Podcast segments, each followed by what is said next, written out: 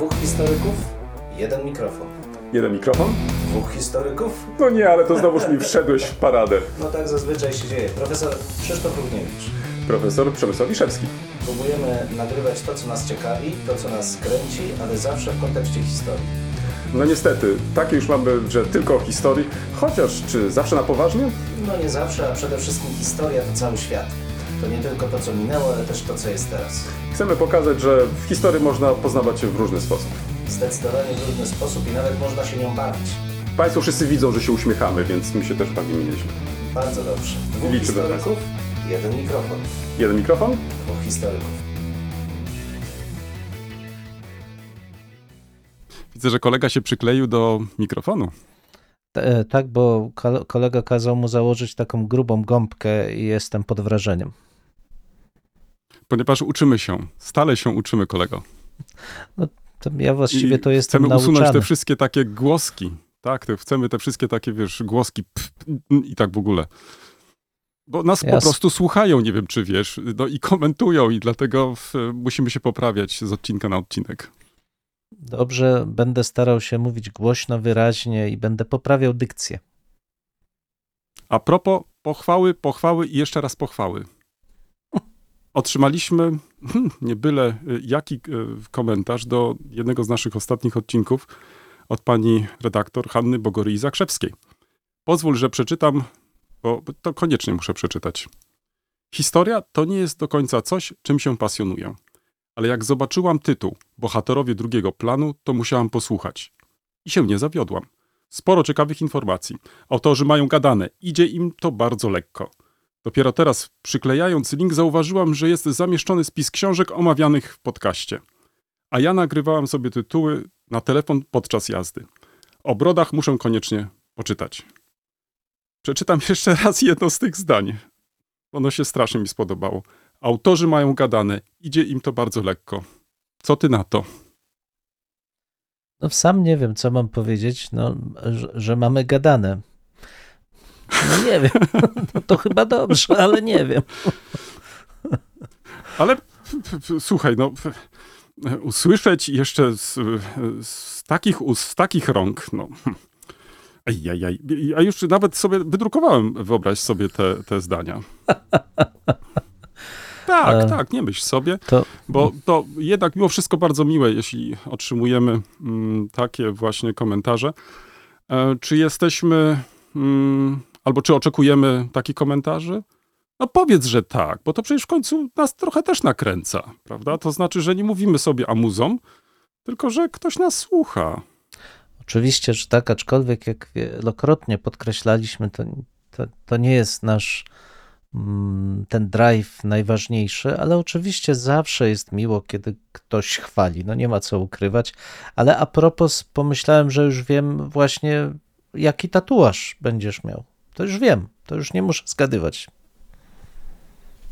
Zaraz, zaraz, zaraz. O, o, o czym ty w ogóle mówisz? O, tatuażu? No tak, bo taki wyobrażam sobie tatuaż. Bohun miał ryby sine na piersiach kłute, a ty będziesz miał taki mam gadane. Ale to może niekoniecznie tatuaż. Wiesz co, e, może jak będziemy świętować setny odcinek, to po prostu sobie w, zrobimy w, na koszulkach taki napis i będziemy chodzić. To mniej więcej będzie chyba tak, jak dobrze e, myślę, e, wiosna, może e, tak, chyba wiosna przyszłego roku. Mm, to chyba możemy z, zrobić sobie o takie koszulki. Z jednej strony będzie nasze logo, a z drugiej strony Oczywiście jako cytat, mamy gadane. Długopisem Zenit napiszemy, żeby było stylowo. Ale to musimy, wiesz, zdjęcia też zrobić, żeby mieć dowód na to. Okej. Em, to co, to wzywamy krasnoludki na pomoc? Tak jest. Bardzo proszę.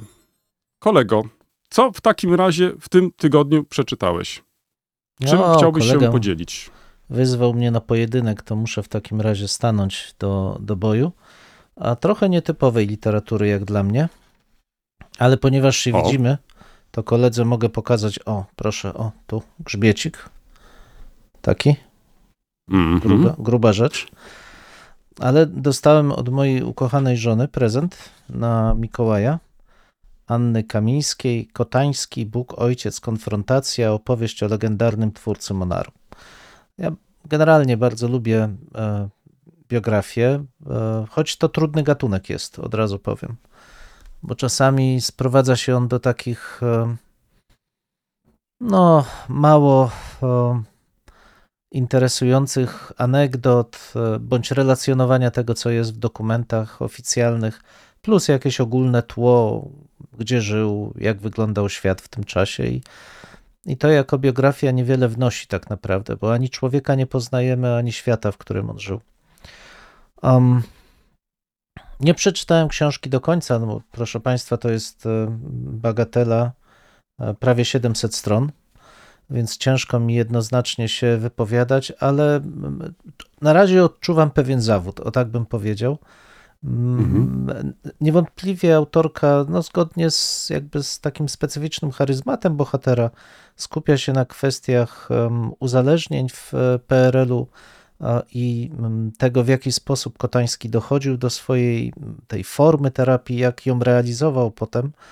E, No i, no i trudno się dziwić, to, to rzeczywiście przecież była oś jego funkcjonowania um, i w PRL-u, i, i, i- bezpośrednio po nim. Ale, ale coś mi nie pasuje. Znaczy, myślę, że tu każdy musi sam się zanurzyć. Mm, Chyba najciekawszy, znaczy dla mnie oczywiście, jest ten opis funkcjonowania w ogóle e, psychologii, psychiatrii, kwestii uzależnień w samym PRL-u, w e, sposób maskowania tego zjawiska i co dla mnie jest chyba najważniejsze, co to znaczy, kiedy nauka jest odcięta od, od rzeczywistości poza krajem. To jest przejmujące wręcz, kiedy naj, najlepsi ówcześni polscy terapeuci, e, psychiatrzy, psychologowie sami próbują tworzyć terapię uzależnień, ponieważ oficjalnie uzależnień nie ma. Nie, nie mogą brać udziału w dyskursie międzynarodowym, co najwyżej odwiedzają przypadkowo wybrane kliniki, ale nie są w stanie skorzystać z dorobku nauki światowej, praktyki lekarskiej światowej, bo nie mają do niej dostępu.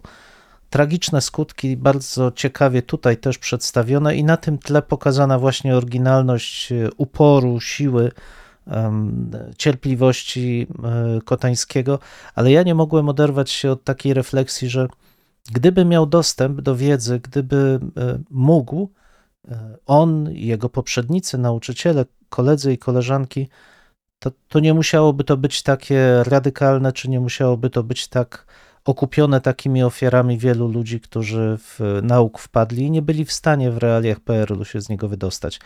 Więc bardzo polecam jako lekturę mm, ukazującą specyficzny typ człowieka skupionego, upartego, em, prowadzonego własnym, własnym drive'em, e, także jako przestrogę przed zamykaniem się naukowym, e, jakimkolwiek e, na świat i skutków tego dla społeczeństwa.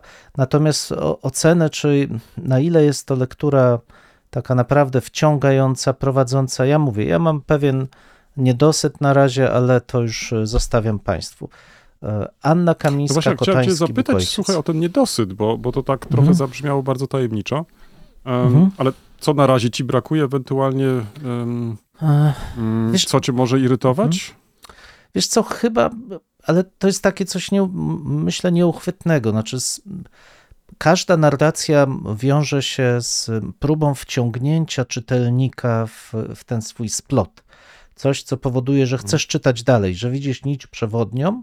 Ta nić e, wydaje się dobrze skonstruowana, ciekawa, ale też wzbogacająca ciebie w momencie, kiedy czytasz i podążasz za nią. I recypujesz wszystko, co jest dookoła tej nici, jako jej fragment. A tutaj, czytając tą książkę, mam wrażenie pewnego bezładu. To znaczy, pojawiają się e, różne, ciekawe zresztą anegdoty, cytaty, relacje, ale nie, nie czuję spójności tej książki. Nie widzę takiej, pomimo Mhm. tego, że mówię, ten, ten wątek walki, terapii, tworzenia terapii jest e, wyraźny, to jednak czegoś mi brakuje. Ja dla porównania m, bikontowej biografię e, Kuronia mógłbym wziąć, e, jeszcze obszerniejsza bodajże, a mimo to przeczytałem ją jednym tchem. Można powiedzieć różnego formatu postacie, ale czy ja wiem, obie bardzo ciekawe, bardzo skomplikowane, wcale nie jednowymiarowe. Um, Bardzo no malownicze. kur- tak, tak. No i podobny mniej więcej okres czasu, choć Kotański to jest pokolenie późniejsze jednak mimo wszystko, jedno pokolenie. A jednak Bikontową, Bikontowej książkę czyta się po prostu z zapartym tchem, przynajmniej dla mnie. A tutaj jakoś nie byłem w stanie przedrzeć się jeszcze przez e, e, połowę książki, więc mówię, mam wrażenie, że to jest chyba kwestia sprawności konstrukcyjnej, sprawności pióra też e, specyficznej. Ale mówię, nie chcę się wypowiadać za czytelników. Polecam mimo wszystko, bo niezwykle ciekawa postać, e, dużo ciekawego materiału źródłowego, no i przede wszystkim, tak jak mówię, ta kwestia funkcjonowania nauki oderwanej od, e, od świata. Dla mnie bardzo ciekawa refleksja, naprawdę. Ja może skomentuję to jeszcze tak. Czytasz dlatego, bo dostałeś książkę od żony i musisz ją przeczytać. No oczywiście, że tak. To, to w ogóle nie ma o czym mówić. To, to, to jest poza kwestią, nie? Tak, tak. Um, Okej, a drugą książkę kupiłem sobie sam, o, i nawet zaryzykowałem kupując w formacie papierowym, tu żeby kolega mi nie mówił, że ja tylko na czytnik. Pięknie. Um, Paulina Potwierdzam. Siegień, tak, Paulina Siegień, Miasto Bajka, Wiele historii Kaliningradu. To z kolei mój drugi konik, czyli reportaże. Kaliningrad to specyficzne, specyficzne miasto, specyficzny okręg, esklawa, jak czasami się wskazuje. I, i, i cóż mogę, e, i cóż mogę powiedzieć? No, w, czytam, jestem już prawie pod koniec. Dużo ciekawych migawek z życia, o tak bym powiedział, migawek z, nieco z przeszłości Kaliningradu, cały czas podkreślam Kaliningradu, bo o królewcu jest tu bardzo niewiele i, i słusznie, w zasadzie jest to takie mm, jedynie wprowadzenie, ta część historyczna, potem już mamy e, Kaliningrad, jego lud, ludzi, którzy w nim żyją, okoliczności powstania i funkcjonowania. Tym niemniej mam takie w, znowu, e, znowu konstrukcyjne, może nie zastrzeżenie, ale pewien niedosyt, bo w, bo w gruncie rzeczy jest to zbiór reportaży. Znaczy, mam wrażenie nieciągłości książki przede wszystkim. Jest to zbiór reportaży gdzieś tam e, przygotowywanych, e, w, pewnie dla Gazety Wyborczej, bo tam, jak dobrze pamiętam, pani, pani Siegień publikowała je. Um, one łączą się oczywiście z tą główną formą, czy głównym tematem, jakim jest Kaliningrad. Mm, Bardzo ciekawie zresztą przedstawiony, co może dla niektórych z nas być zaskoczeniem. Kaliningradczycy e, czują się bardziej Europą niż Rosją. E, I w, e, dla przybyszy z Rosji z kolei jest to zaskakujące, bo choć, tak jak to opisała pani Siegień, bo choć oni z kolei widzą w Kaliningradzie faktycznie jed, jeden z elementów Pribałtiki, czyli takiego bardziej zachodniego okna na świat e, Rosji, to po przyjeździe z dużych, zwłaszcza miast rosyjskich, okazuje się, że Kaliningrad to prowincja jednak trochę w dużo gorszym nawet stanie, a przynajmniej nie różniącym się wiele od innych miast, stolic e, republik czy, e, czy okręgów. Jest taka bardzo ciekawa historia kobiety, która z Jekaterynburga em, przybywa i, i jest zdziwiona i, i mówi, że to, tam u niej w Jekaterynburgu jest dużo ciekawiej dużo więcej ciekawych rzeczy.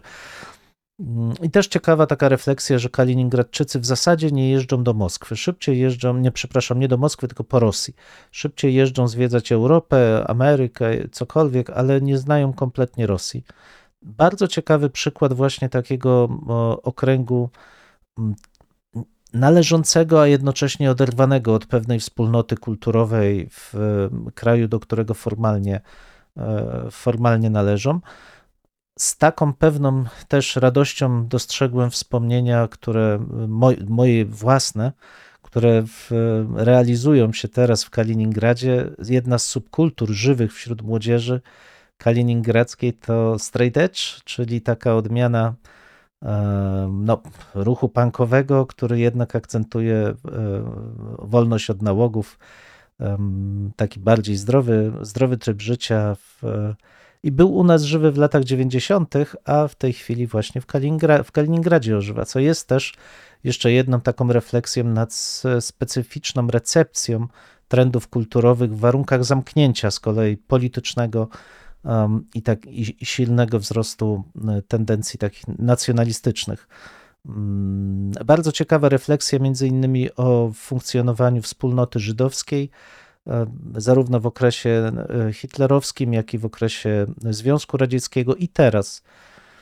Z wielu względów wydaje mi się, że warto przejrzeć tą książkę z takiej perspektywy, co oznacza zamknięcie na te bezpośrednie kontakty kulturowe e, z krajami zachodu Europy, a jednocześnie tęsknota i poczucie takiej przynależności wynikającej ze specyfiki genius loci. Znaczy, ten, jest tam nawet takie stwierdzenie, że dla części e, mieszkańców tego niemieckiego Königsberga e, wydawało się, że po 45, a właściwie 47, kiedy ostatnio opuszczali królewiec, to miasto zginęło i nie może już zostać odbudowane. Ten, ten genius loci zniknął.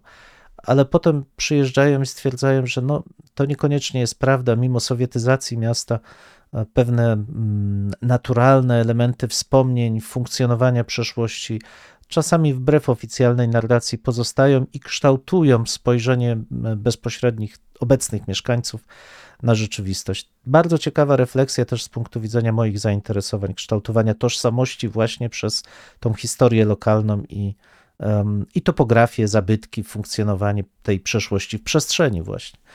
Więc bardzo polecam. W, mówię, mam pewien niedosyt, ale to nie zmienia w mojej oceny. Bardzo dobra książka Paulina Siegień, Miasto Bajka, wiele historii Kaliningradu. No i tyle na dzisiaj.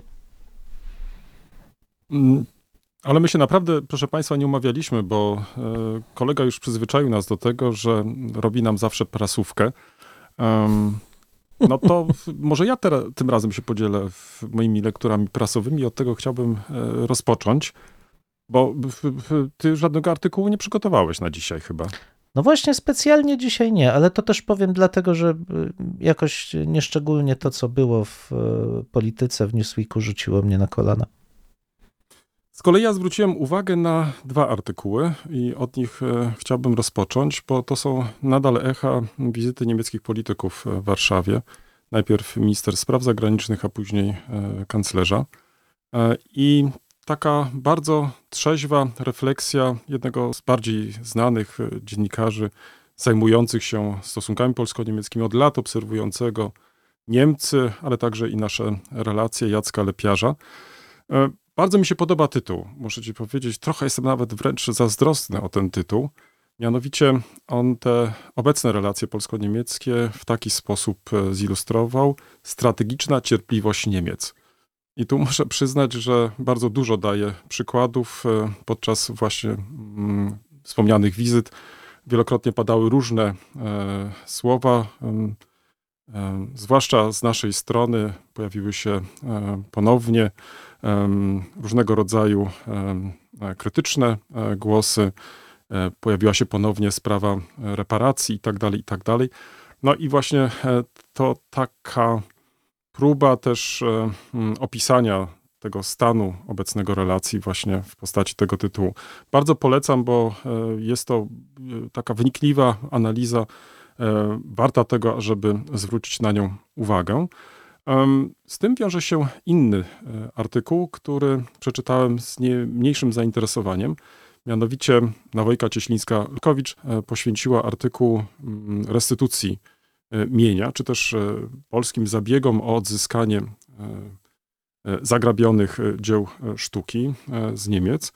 Ale pretekstem do tego, ażeby zająć się tą problematyką, jeszcze raz przypomnieć, jak wyglądała wyglądał proces odzyskiwania e, zabytków, to były plakaty, mm, które mm, kilka tygodni temu e, powieszono na ulicach Warszawy, a które miały przypominać Niemcom em, różnego rodzaju zobowiązania, które e, mają wobec e, Warszawy, a które do dzisiaj nie zostały zrealizowane. Jednym z nich jest właśnie sprawa restytucji mienia, jeszcze inną sprawą jest sprawa reparacji i tak dalej, i tak dalej. I to, co e, nie ukrywam, mnie przeraziło w tej całej akcji plakatowej, że mm, mm, pomieszano e, różne porządki, to znaczy em, na tych plakatach znalazł się nie tylko obecny ambasador Republiki Federalnej Niemiec e, w Polsce, ale także i e, powojenni politycy niemieccy, kanclerze,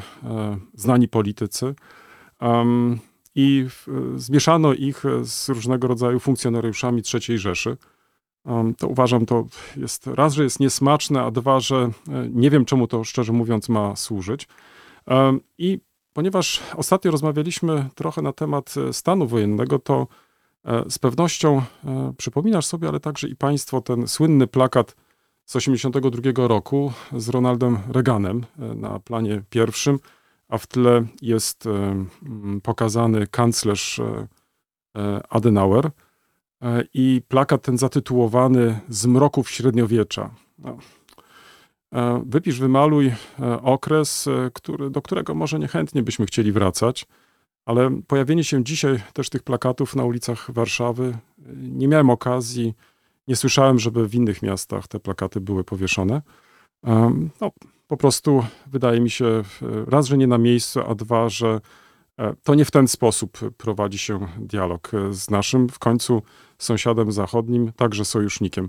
Dlatego też nie dziwię się, że pani Nawojka Cieślińska-Lobkowicz nazwała swój artykuł Przepraszam ambasadora Freitaga von Loringhofena oraz niemieckich polityków za propagandę PiS. Polecam ten artykuł, ponieważ e, w chwili, kiedy zastanawiamy się nad e, tym, co zostało zrobione w przeszłości, jak trudny był to proces, co udało się Polsce uzyskać, em, co jest możliwe, a co nie jest możliwe.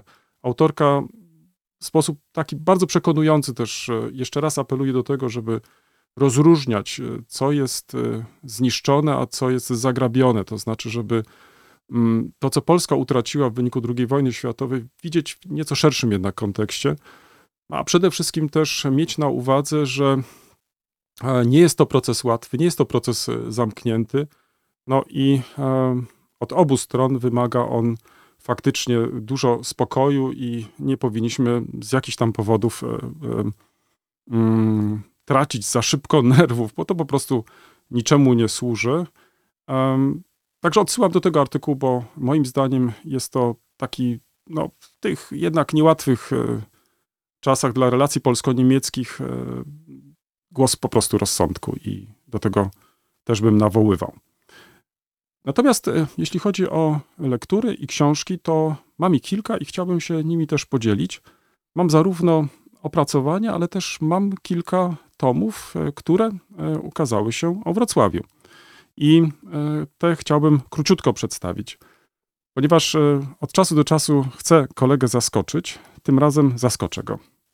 E, W ręku mam tylko jeden tom, pokazuję mu, ale e, jest to jeden z trzech tomów. Mianowicie autorem jest Dariusz Węgrzyn, a jest autorem obszernego dzieła Księga aresztowanych, internowanych i deportowanych z Górnego Śląska do Związku Radzieckiego w 1945 roku. Wydawcą jest Instytut Pamięci Narodowej. Jest to wykaz ponad 42 tysięcy nazwisk e, e, osób, które zostały deportowane e, w lutym, kwietniu, maju w głąb Związku Radzieckiego. Coś, co w publicystyce często się określa mianem tragedii górnośląskiej. E, Za kilka tygodni będziemy obchodzić kolejną rocznicę. Jest to, jak przekonuje autor we swoim wstępie, nadal niezabliźniona rana na Górnym Śląsku. E, I wydanie teraz e, tego tomu jest trochę takim też wyjściem naprzeciw tym wszystkim, może nie tyle osobom, które przeżyły tą tragedię, ale przede wszystkim książka ta jest dla ich rodzin, taka, żeby mogli też e, odnaleźć swoich bliskich, dowiedzieć się coś więcej. E, Każdy z biogramów, który jest e, w tych trzech tomach opublikowany, mm, zawiera podstawowe informacje. Imię, nazwisko, datę urodzenia. Jeżeli datę śmierci udało się ustalić, to także i data śmierci. Miejsce deportacji, czy też mm, więzienia i tak dalej, i tak dalej. Wydaje mi się, że jest to mm, piękny przykład też e, wieloletniej pracy jednego e, naukowca, jednego badacza, który, jak zresztą sam pisze, przez e, 10 lat pracował nad tym dziełem, zbierał, konfrontował, e, weryfikował e, nazwiska. To wręcz tytaniczna praca. Każdy, kto przygotowywał tego typu zestawienia, wie, e, jak ciężka jest to e, praca. Z pomocą przychodziły mu e, różne osoby, e, także świadkowie wydarzeń, także rodziny, które poszukiwały informacji o swoich bliskich. Tak więc e, do rąk otrzymujemy efekt tych 10 lat pracy. I wiesz, naszła mnie taka refleksja, kiedy przeglądałem e, tą pracę, jak rzadko doceniamy może w tym takim zagonieniu, teraz gdzie jeszcze gdzieś tam w tle pobrzmiewa ilość punktów i tak dalej, i tak dalej, jak rzadko doceniamy właśnie mm, tak e, a, ważne prace, które e, nie powstają z dnia na dzień. To znaczy, a, faktycznie mm, widzisz tutaj ogrom pracy, który trzeba było włożyć, ażeby ta publikacja mogła się ukazać. Ja myślę, że em, powinna ona być na półkach nie tylko e, tych, którzy w jakiś sposób są związani z tą problematyką, przede wszystkim na Górnym Śląsku, ale powinna ona być też, e, myślę, w domach e, każdego z historyków, bo mm, z mojego punktu widzenia to e, Dariusz Węgrzyn, autor tej obszernej publikacji, no, wyznaczył pewne standardy, jak pokazywać problematykę ofiar, jak o nich pisać. Mm, Oczywiście mm, te informacje biograficzne poprzedził e, obszernym wstępem e, historycznym. Tak więc dowiadujemy się zarówno o problemie, czyli o e, deportacjach, o złożoności też sytuacji, jaka e, e, była na Górnym Śląsku w końcowych miesiącach wojny, gdzie był ten podział na e, Śląsk e, polski, niemiecki. Oczywiście miało to ogromne znaczenie, e, także to był też ten różny stosunek żołnierzy Armii Czerwonej do ludności i tak dalej, i tak dalej. E, Także o tym wszystkim autor pisze, e, podaje też najnowszą literaturę. Myślę, że także i ta publikacja powinna zainteresować naszych słuchaczy. No i mam, może zanim przejdę jeszcze do, do e, publikacji o Wrocławiu, to jeszcze wspomnę o jednej rzeczy, mianowicie mm, kilka lat temu, w 2015 roku, e, w Radzionkowie, koło Katowic, powstało Centrum Dokumentacji Deportacji Górnoślązaków do Związku Radzieckiego w 1945 roku. E, Byłem przed kilku laty, zaraz po otwarciu tego centrum. Zrobiło na mnie ogromne wrażenie, zwłaszcza, że mm, jest to jedno z najnowszych muzeów, e, jakie widziałem. Bardzo mi się e, podobała wystawa, e, która przekonała mnie.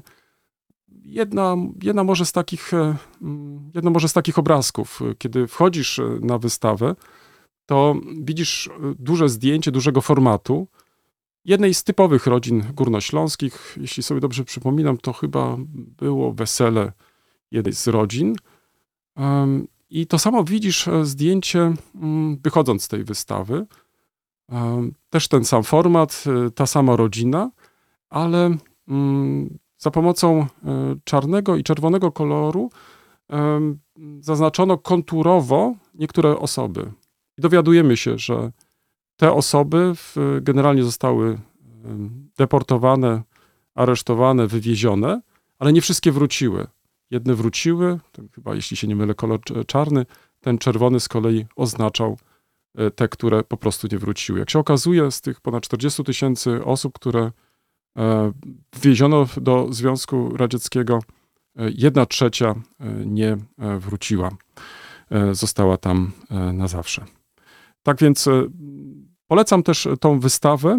Polecam również stronę internetową, ponieważ także e, podczas tych naszych spotkań e, chcemy mm, zwracać uwagę na ciekawe podcasty. To mm, także i to muzeum opracowało e, serię podcastów, które Państwu serdecznie polecam. Są to wywiady z, ze świadkami wydarzeń, którzy przybliżają różne aspekty dziejów Radzionkowa, Także nie tylko te wywiady ograniczają się do samego faktu zakończenia II wojny światowej, czy też e, wspomnianych wielokrotnie już tutaj deportacji, ale generalnie życia codziennego w, tym, e, tej miejscowości. Myślę, że e, każda osoba, która będzie szukać jakichś ciekawych głosów, być może nauczyciele będą chcieli też skorzystać podczas lekcji, czy to o stanie wojennym, czy też o przemianach roku 89, to z pewnością odpowiednie ilustracje znajdą właśnie na tej stronie Centrum Dokumentacji Deportacji Górnoślązaków do Związku Radzieckiego. Chcę teraz e, ogłosić mały konkurs. Mianowicie, e, ukazał się najnowszy numer mm, Śląskiego Kwartalnika Historycznego Sobótka. I mm, tak się złożyło, że e, redaktor naczelny, profesor Przerwa, przekazał mi kilka egzemplarzy autorskich i pomyślałem sobie, że może w ten sposób spopularyzujemy e, także nasze czasopismo. Jeszcze raz, Śląski Kwartalnik Historyczny Sobótka, ale e, dostanie egzemplarz ta osoba, która odpowie poprawnie na trzy pytania. Kolega oczywiście jest wyłączony z tego, także tutaj niech e, nie cieszy się już teraz, że otrzyma zaraz numer pisma. Tak już na marginesie sam zresztą jest jednym z autorów tego zeszytu. Powiem tylko, że zeszyt ten jest poświęcony traktatowi polsko-niemieckiemu i jego e, skutkom. E, W mm, w zeszycie tym znalazły się artykuły poświęcone różnym aspektom mm, tego właśnie traktatu, od problematyki takiej bardzo ogólnej, politycznej, kończąc na sprawach dotyczących mniejszości niemieckiej, czy na przykład obchodzenia się z e, dziedzictwem po niemieckim. No i teraz może pytania. Pierwsze pytanie. Kiedy ukazał się pierwszy numer czasopisma? E, myślę, że to jest proste. Drugie pytanie może już e, e, pewne problemy stworzyć. Mianowicie, e, kim byli pierwsi redaktorzy? Lub też inaczej, proszę podać nazwiska pierwszych redaktorów. No i trzecie, to już faktycznie chyba bardzo trudne. Skąd wzięła się tak dziwna nazwa e, tego czasopisma? Przypomnę, Śląski Kwartalnik Historyczny Sobótka. Jeden zeszyt, jeden numer chętnie przekażę tej osobie, która poprawnie odpowie na te pytania. Wyobraź sobie, że em, przechodząc, e, czy wchodząc do różnych księgarni we Wrocławiu, trafiłem na książki o naszym mieście, których nie znałem. I tutaj e, króciutko o e, tych e, dwóch książkach, bo wybrałem dwie z nich. Mianowicie, nie wiem, czy mm, miałeś okazję kiedyś być e, w domu Oppenheimów na e, Placu Solnym. Em, Przepiękna książka, przepięknie wydana. Koledze pokazuję. Em, Autorką jest e, Liza Hohenleitner, a tytuł Dom Oppenheimów we Wrocławiu. Kamienica opowiada historię miasta. Książka świetnie napisana. E, Dowiadujemy się nie tylko o samym domu, bo dom e, jest takim dobrym punktem wyjścia, żeby opowiedzieć całą historię miasta. Czyli w tle mamy historię miasta przez stulecia i mm, autorka na tym tle pokazuje nam historię tej jednej kamienicy, rodziny Oppenheimów, ale także pozostałych mieszkańców tejże właśnie kamienicy, aż e, po e, współczesność, kiedy dom Oppenheimów dzisiaj, który zresztą tak funkcjonuje, taka nazwa, stał się e, bardzo ciekawym e, centrum e, kultury. Ja myślę, że wielu wrocławian przy różnych okazjach tam zagląda. Ale żeby zachęcić e, naszych e, słuchaczy, postanowiłem przeczytać dwa króciutkie fragmenty e, z tejże właśnie książki. Mm, Książka ma zakładkę, kolego. To, to chcę ci tu pokazać, proszę bardzo. Ma zakładkę. Przeczytam ci fragment. Przy poszukiwaniach dawnych mieszkańców szybko ukazała się zbieranina nazwisk i zawodów, które można było znaleźć we wrocławskich książkach adresowych. Niezliczona rzesza osób tutaj jadła, piła, spała, pracowała, cierpiała i kochała się. Wielu z nich gotowało, gotowało pranie, nosiło węgiel, sadziło kwiaty, bawiło się na klatce schodowej. Niektórzy się tutaj urodzili, inni zmarli w swoich łóżkach, niektórzy gospodarowali z sukcesem i kazali sobie usługiwać. inni walczyli o życie i zostali deportowani. Nieliczni ukrywali się, a jeden z mieszkańców nawet się powiesił. Nie wiem, czy to jest dobra rekomendacja, akurat y, ta ostatnia, ale zwróć uwagę, jaki jest język narracji. Bardzo taki w- sugestywny, malowniczy i faktycznie zachęca do tego, żeby e, przewracać kolejne e, strony i wnikać e, w historię tego właśnie budynku. No i króciutki taki fragment też e, już e, mm, z, mm, ze środka książki.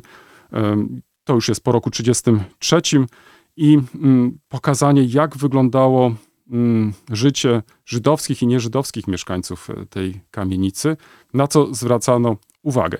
I tylko też kilka zdań, taka, żeby zachęcić do sięgnięcia po tą książkę. We wspomnieniach, we wspomnieniach Dietera Tesslera i Ilse Goyman najwięcej miejsca zajmuje bieda, która kształtowała ich, ich dzieciństwo. Nosiło się zużyte i łatane ubrania starszego rodzeństwa lub dzieci sąsiadów. Ton rodziców był też często ostry. Codziennością był policzek wymierzony za przemądrzałe zachowanie. Ostatecznie trzeba było stworze dzieciaków jakoś tego respektu napędzić. Dzięki dużej grupce dzieci w domu zawsze coś się działo. Ściganie się i gra wchowanego na klatce schodowej, dziedzińcu, a nawet na dużym placu przed domem nigdy się nie nudziły. Zabawek było tyle co nic, dlatego nawet y, szacowny pomnik generała Blysiera brał udział w zabawie. Z portalu wejściowego czy z okien mieszkania Teslerów matki doskonale widziały gromadkę dzieci, które biegały w kole i potykały się wokół generała. Za rogiem znajdowała się piekarnia, w której za pięć fenigów można było nabyć Kuchenprixel, Prinkel, szczerze mówiąc nie znam tego określenia, Kuchenprinkel, resztki z ciast, które były dzielone. Oczywiście tutaj szereg jest innych jeszcze historii e, mieszkańców tej kamienicy. Polecam tą książkę. E, przypominam sobie przed laty serię e, artykułów e, znanej wrocławskiej dziennikarki Beaty Maciejewskiej, które były poświęcone jednej z kamienic. E, jest to bardzo ładny przykład, jak można opowiadać o jednej kamienicy, przedstawiając e, losy i biografię osób. Także po części trochę mam nawiązanie też do Twojej książki e, biograficznej. I ostatnia książka, e, która, tak jak myślę, może też zainteresować mm, nie tylko osoby z Wrocławia, ale generalnie. Mianowicie Muzealny Wrocław Wasko Kreczmana, polskie i niemieckie wystawy historyczne w latach 1900-2010. Książka ukazała się w wydawnictwie Wijanowa. Em, Wstępem poprzedziła wspomniana przeze mnie przed chwilą e, dziennikarka Beata Maciejewska. E, Jest to przeciekawa książka. E, Już sam fakt, że autor nie skoncentrował się na wystawach w Breslau, czyli do okresu, czyli do lat, do roku 45, tylko ujął cały okres. I to był ogromny szpagat z mojego punktu widzenia, jak e, znaleźć klucz do zrozumienia em, m, wystaw, które były pokazywane o mieście.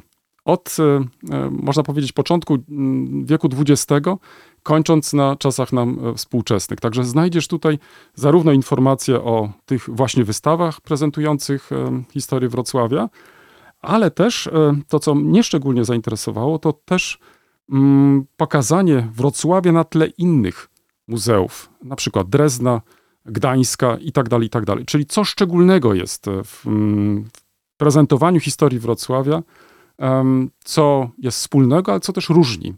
Także książka jest e, nie tylko godna polecenia, ale wydaje mi się, jako prezent zbliżają się w końcu święta. Bardzo e, mm, godna polecenia. E, Czyta się ją świetnie. Została przetłumaczona przez e, znaną tłumaczkę e, Annę Wziątek. Także mogę tylko książkę polecić. E, mm, Jest bogato ilustrowana. No i może tyle. To jeśli chodzi o moje lektury. Bardzo bogato zebrane i bardzo ciekawe. Ja tylko nawiążę już, może to, nie wiem, czy to jest jakiś wstęp do naszego e, To tematu. poczekaj, to ale- muszę krasnoludków naszych e, tutaj wezwać. Krasnoludki. Wzywaj.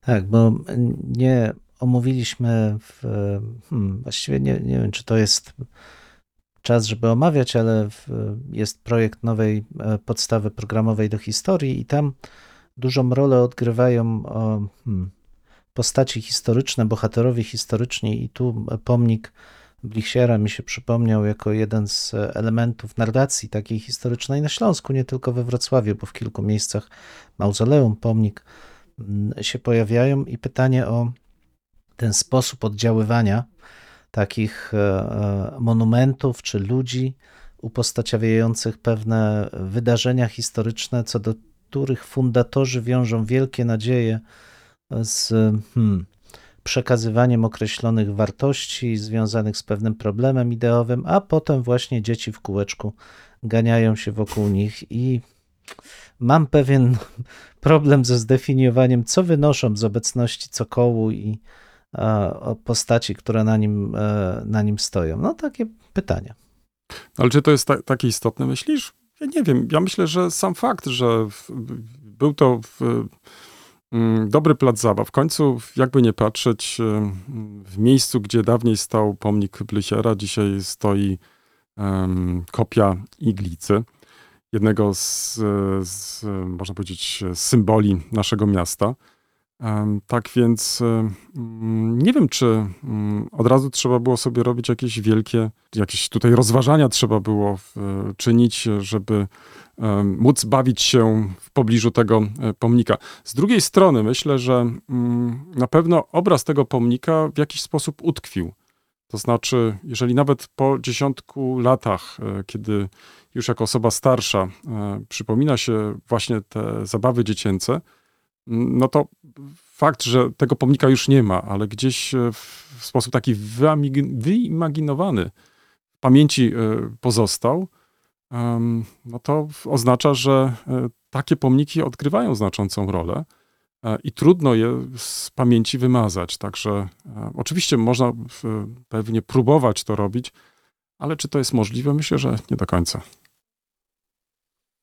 No właśnie, znaczy to jest chyba generalnie pytanie o to funkcjonowanie osób, jednostek jako znaków historii, jako hmm, przekazujących tą, e, tą historię, bo wiesz, ja nie mam wątpliwości, że ta polityka stawiania konkretnych e, postaci na posągach, ona ma swoje znaczenie, może być odczytywana, zresztą sam, sam staram się to robić i, i komponowana z topografią, w której się pojawiają, ale zawsze mam taki niedosyt, bo o ile potrafimy e, drogą jakiejś tam dekonstrukcji dojść do zamierzeń tych, którzy stawiają pomniki, to dużo trudniej nam jest odczytać, jak te pomniki są odczytywane. No, wręcz chciałoby się powiedzieć, że brakuje nam dialogu z pomnikami, że pomnik odlany z jakiegokolwiek metalu, czy wykuty w jakimkolwiek kamieniu, no jest dla nas historiograficznym problemem, bo nie wiemy, jakie reakcje wchodzi on z otoczeniem dużo łatwiej jest, jeżeli ten pomnik mówi, czyli kiedy żywi ludzie stykają się ze sobą i podejmują dyskusję o historii. No ale tutaj zwróć uwagę, że mm, ten wątek chyba podjęliśmy już e, kilka dobrych miesięcy temu, kiedy mhm. wspomnieliśmy los pomników, e, na przykład poległych podczas I wojny światowej, e, które zwłaszcza w różnych miejscowościach Dolnego Śląska można i dzisiaj zobaczyć to, to jest bardzo dobry przykład, ponieważ e, tak naprawdę e, większość tych pomników e, jest opuszczona. Nikt o te pomniki specjalnie nie dba. Można wręcz nawet powiedzieć, że są to trochę takie niczyje pomniki. Ślady wykute w kamieniu nazwisk zatarły się, je nawet czasami trudno odczytać. Także może one jeszcze funkcjonują jako element krajobrazu, natomiast bez jakiegoś takiego zdekodowania, no dzisiaj są nieczytelne. To znaczy, nawet być może jest też i tak, że przechodzi się o, koło nich jako taki stały element krajobrazu, ale nie bardzo się nawet zastanawiając, E, co one tak naprawdę e, znaczą, e, albo też jakie znaczenie dzisiaj mają. Co wcale nie oznacza, że nie podejmuje się różnego rodzaju prób dekonstrukcji. Zwróć uwagę, że tutaj mamy do czynienia z chyba z takim dwojakim podejściem, bo to, że w, przeszłości usuwano pomniki, to chyba myślę, że nikogo nie musimy przekonywać. Najczęściej to działo się e, w związku z takimi czy innymi zwrotami e, w historii. E, Jednych usuwano, a drugich w tym samym miejscu, a, drugie pomniki po prostu stawiano w, tym, w tych miejscach.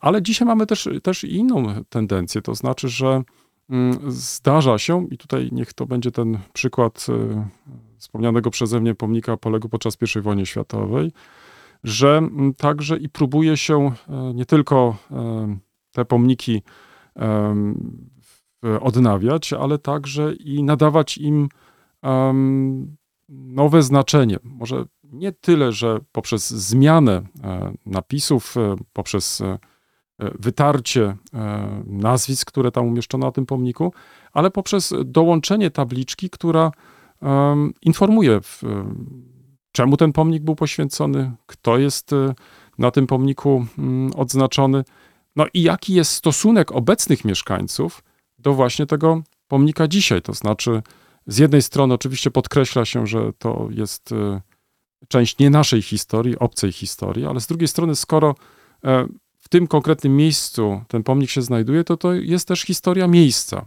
czyli po części także i tych, nazwijmy to, nowych mieszkańców, którzy po tym roku 45 się pojawili w tym miejscu i następnie mm, postanowili w jakiś sposób, e, nawiązując e, do symboliki tego pomnika, także wspomnieć e, swoich krewnych, tych, których pozostawili gdzieś tam za wschodnią granicą i tak dalej, i tak dalej. Także, także i takie próby są podejmowane i wydaje mi się, że to pozwala mm, nadać takie trochę drugie życie takiemu pomnikowi, bo nie niszczy się znaczenia jako takiego, ale pokazuje się pewną uniwersalność. e, Nawiązuje się do e, uniwersalnych wartości, które są dla nas bardzo bliskie. E, Myślę tutaj przede wszystkim o naszym kręgu kulturowym, gdzie mm, śmierć, gdzie tragedia zawsze była przez nas traktowana w sposób szczególny, gdzie wręcz jest, mamy ten nakaz opiekowania się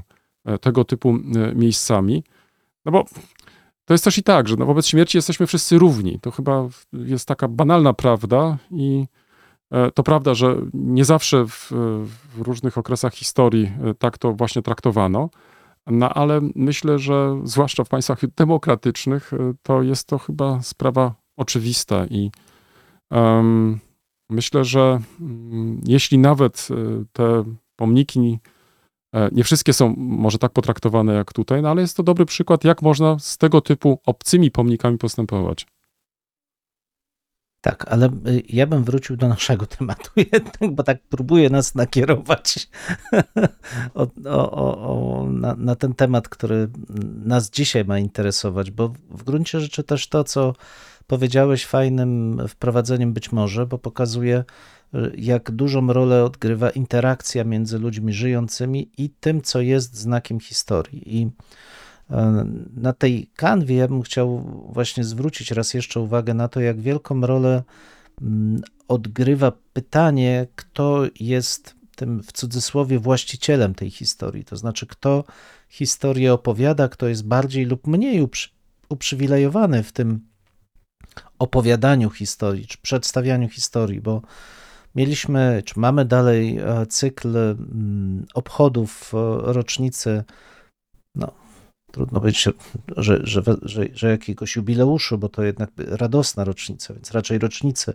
wprowadzenia stanu wojennego i generalnie w, nawet w rozmowie z jedną z osób, która brała czynny udział w tych wydarzeniach z przekąsem, pojawia się motyw wizyt w zakładach pracy, w szkołach, przedszkolach, gdzie przedstawia się te osoby jako trochę zabytki, znaczy takie mm, szacownych starców, którzy mają do powiedzenia mm, jakąś namaszczoną e, kwestię, która ma zostać odebrana jako e, prawda o e, historii i w zasadzie na tym ma się skończyć to zetknięcie z żywą historią, bo to nawet tak się czasami, czasami mówi.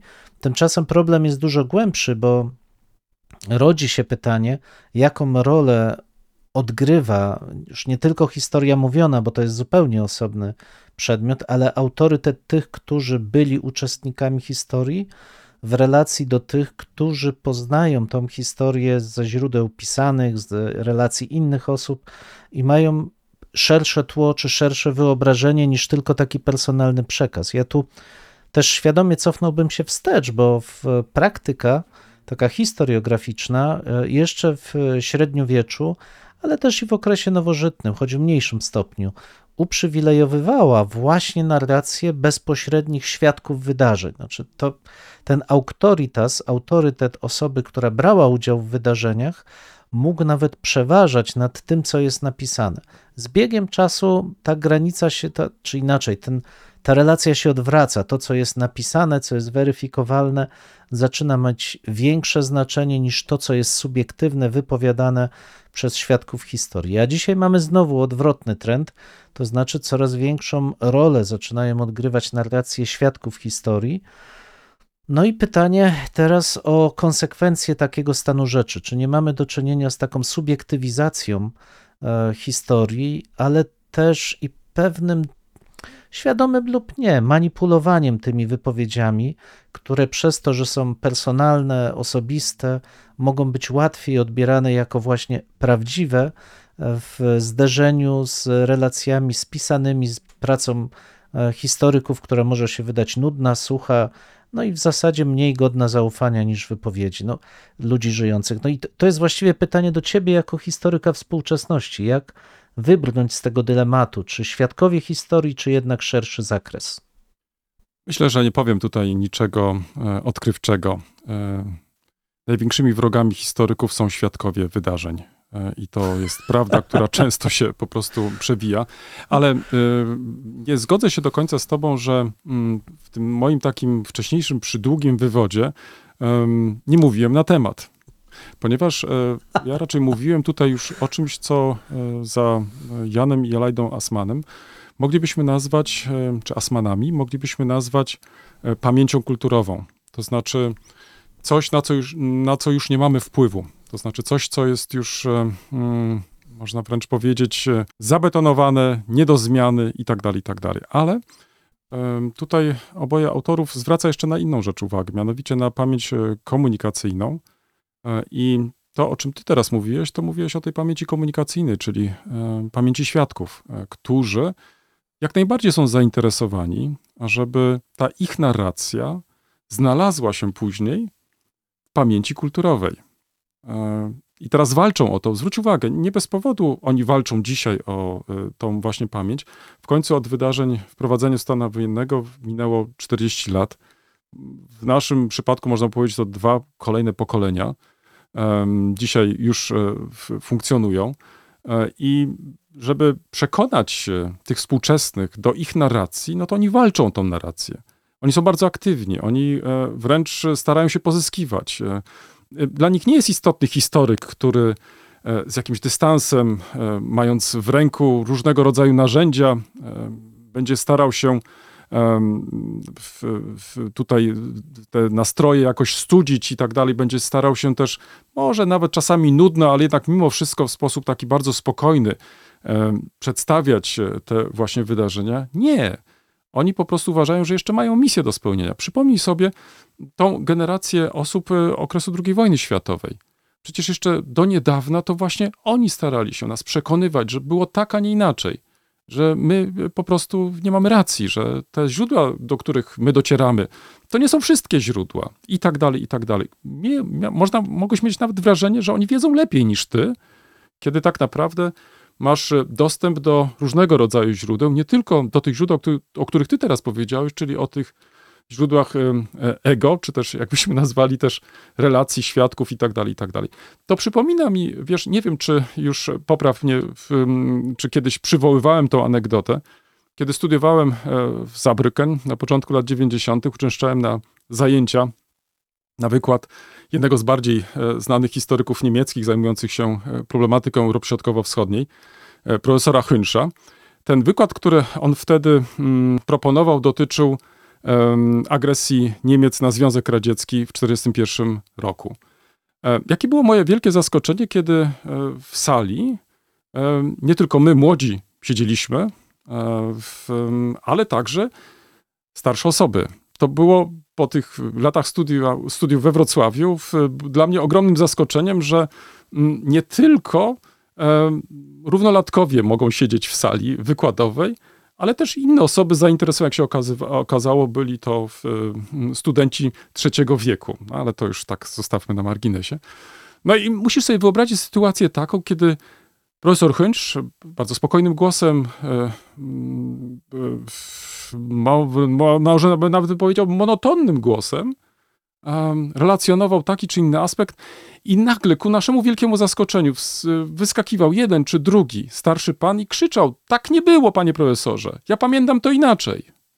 Em, tu było tak, a jeszcze mówił, że nie, to było jeszcze w tak, a nie inaczej.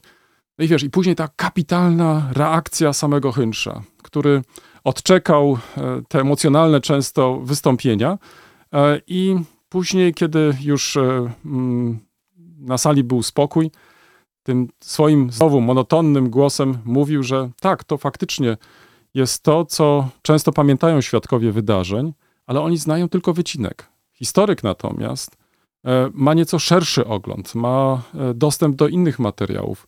Może pokazać, że e, ten aspekt można rozpatrywać także w inny sposób i tak dalej, i tak dalej.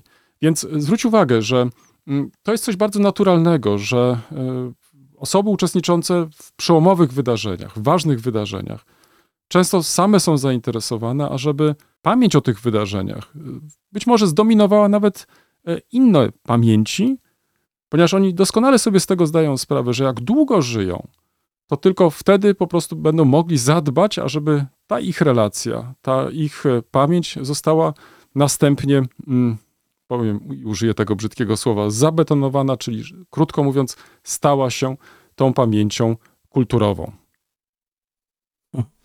Wiesz, a mnie jakby nieco inny aspekt nawet ciekawi, bo to, o czym ty mówisz, pewnie ma miejsce, no bo każdy z nas e, stara się przedstawić no, swój świat. E, Dla naszej integralności też psychicznej ważne jest, żeby ten świat był jak najbardziej akceptowany przez, e, przez otoczenie. Więc to nic dziwnego, jeśli osoby, które przeżyły jakąś przeszłość, chcą, żeby ta ich wizja przeszłości była akceptowana i doceniana. Ale ja mam raczej wrażenie, że, mm, że bardziej oni są wykorzystywani jako instrumenty do tworzenia czy wspierania pewnej narracji, i to niezależnie od opcji politycznej, bo zwróć uwagę, że tu mamy do czynienia do, po, z powrotem do pewnej tendencji, którą właśnie w czasach PRL-u doskonale pamiętamy. No, te wszystkie spotkania z kombatantami, w uroczystości rocznicowe, w których kombatanci brali udział, pogadanki, które były w, przygotowywane według pewnego schematu zresztą. Ale one miały służyć nawiązaniu takiej wręcz intymnej relacji z przeszłością i przekonaniu odbiorców właśnie poprzez kontakt z osobą, nie z wykładem, nie z logiczną narracją, nawet nie z lekturą źródeł i własnymi wnioskami, ale chodziło o nawiązanie relacji emocjonalnej. Mamy tu osobę, która przeżyła, która opowiada o okrucieństwach wojny, o funkcjonowaniu okupacji, o roli e, sojuszu ze Związkiem Radzieckim, whatever, jakikolwiek temat byśmy wtedy wybrali, chodziło o tą relację emocjonalną. I ja mam wrażenie, że po pewnym okresie, kiedy ta tendencja do wykorzystywania emocji w umacnianiu pewnej wizji historii była dużo słabsza, jednak w nauczaniu historii większy nacisk kładło się na analizę źródła, na sposób dochodzenia do wniosków, na sposób mm, własnego konstruowania oglądu, ale jednocześnie z taką opcją wydyskutowania tej wspólnej przestrzeni historii, z którą jesteśmy w stanie wystąpić, uzgodnić ją, oprzeć na faktach. Teraz mamy do czynienia w, z powrotem właśnie w, do tego nurtu emocjonalnego, znaczy gdzie bardzo dużą rolę będą odgrywały już nie argumenty, ale mm, autorytet wynikający z przeżycia historii. Um, to też mówię, nie jest to jakby nic nowego, bo takie, tak jak słusznie wskazujesz, takie zjawiska można obserwować e, szerzej i nie bez e, przyczyny Asmanowie użyli tego określenia komunikacyjna, to znaczy taka, która dzieje się, staje się w relacjach między ludźmi. Nie przychodzi z zewnątrz jako struktura kulturowa, tylko dzieje się, staje się. I rzeczywiście to jest e, pytanie o przede wszystkim funkcję wykorzystywania i kreowania tej E, tej e, historii czy tej, tej tradycji e, komunikacyjnej. Ale ja przyznaję, że też z pewnym niepokojem patrzę, że wracają schematy, które wydawać by się mogło, powinniśmy no jednak cieniować, czy wykorzystywać, powracać do nich oczywiście, ale właśnie z tym bagażem doświadczeń. Trochę przeraża mnie ta wizja, w której w najważniejsze staje się personalne przeżycie. I znów y, jeszcze raz powtórzę, to nie jest nic nowego i to nie jest wina tego czy innego ustroju politycznego czy, e, czy, czy, czy partii, bo cała mm, od początku tego stulecia, cała refleksja metodologiczna historyków czy filozofów historii, jak się to e, jeszcze niedawno mówiło, była skoncentrowana na subiektywizacji przeżywania historii, na podkreśleniu tego personalnego e, przeżywania historii. I tak jak nigdy nie wierzyłem w wartościowość takich, takiego podejścia dla funkcjonowania społeczeństwa i ustalania tej wspólnej wizji przeszłości, tak z niepokojem widzę, że to się, mm, ja bym powiedział, degeneruje nawet. To znaczy, że ginie granica między tym, co subiektywne, e, co e, personalne, a tym, co może być wspólną przestrzenią, w której e, my żyjemy i w której kształtujemy poprzez dyskurs swoją wizję przeszłości. Absolutnie nie negując oczywiście wartości takich spotkań czy Mm, e, czy wypowiedzi świadków historii. Ale zwróć uwagę, że tutaj um, zapomniałeś może o jednej grupie osób, która powinna w sposób, bym powiedział, e, taki bardzo aktywny w, uczestniczyć w tym. To są historycy. Bo to czasami jest też i tak, że być może e, sami na własne życzenie oddajemy pola po prostu świadkom wydarzeń. I dochodzi do właśnie tego rodzaju może zachwiań tutaj wydaje mi się, że w sposób bardziej stanowczy powinniśmy zabierać głos, e, bo mówisz tu o emocjonalizowaniu. No jeżeli uwzględnimy kwestię na przykład tej indywidualizacji jednak, dalej e, grania na emocjach. Oczywiście e, można sobie wyobrazić, że w sposób bardziej emocjonalny będzie przedstawić taką czy inną historię świadek wydarzeń niż historyk, który zajmuje się tą problematyką. Ale czy E, ten historyk nie może też w sposób interesujący tego opowiedzieć? Jak najbardziej może.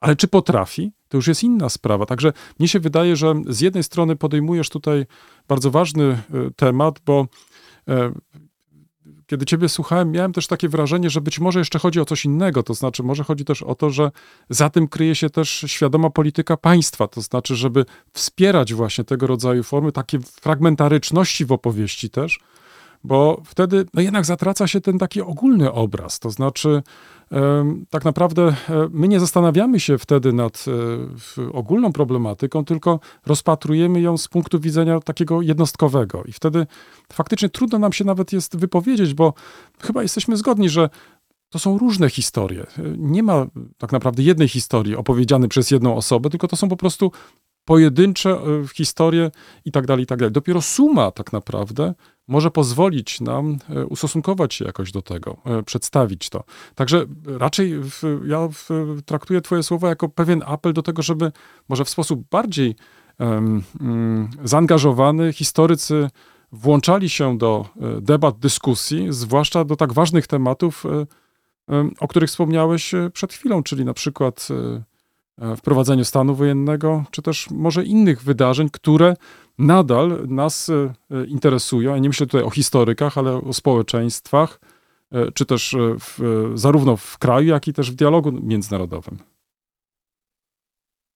Absolutnie tak, tu w pełni się zgadzamy. No, historia jest taka, jaka rzeczywistość, która nas otacza, to znaczy mamy pewną przestrzeń wspólną, ale nasze własne historie, historie grup społecznych, lokalnych, regionalnych są jak strumienie, prądy w, w ogromnym oceanie. To ważne jest, żeby pokazać, że jest pewna ta wspólna przestrzeń, co do której no, musimy się zgodzić, bo jeśli się nie zgodzimy, to w zasadzie nie ma, no, nie ma dyskusji, tracimy to pole do porozumienia, ale już wariantowość postrzegania, dostrzegania szczegółów, odczuwania tych szczegółów jest rzeczą zupełnie naturalną. Tylko wiesz, mi zależy przede wszystkim zawsze na tym, żeby odróżnić te, te dwie płaszczyzny, że czym innym jest pewna subiektywność, skontekstualizować to, o jakiej historii, o jakim fragmencie historii mówimy i pokazać ją w obrębie tej, wiesz, szerszej, e, szerszej przestrzeni. No o, o tym właściwie cały czas są nasze,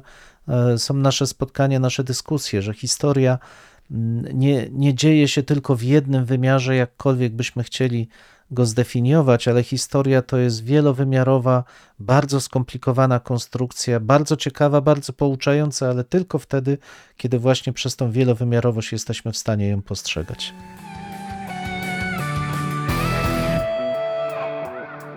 W tym miejscu stawiamy kropkę lub też jak kto woli kropkę nad i. No, mamy nadzieję, że to nie jest koniec, że to jest początek Waszej dyskusji. Mam nadzieję, że Was zaciekawi. Prosimy o komentowanie naszych zmagań z historią. Poniżej zdjęcia jest wystarczająco dużo miejsca. I pamiętajcie, nie regulujcie odbiorników. No, my naprawdę tak brzmimy. E, tak, chociaż być może czasami e, może trzeba ściszyć. No może czasami ten nasz rechot tu się przydało wyciąć nawet. Dwóch historyków, Jeden mikrofon, jeden mikrofon. bo historyków. Dziękujemy.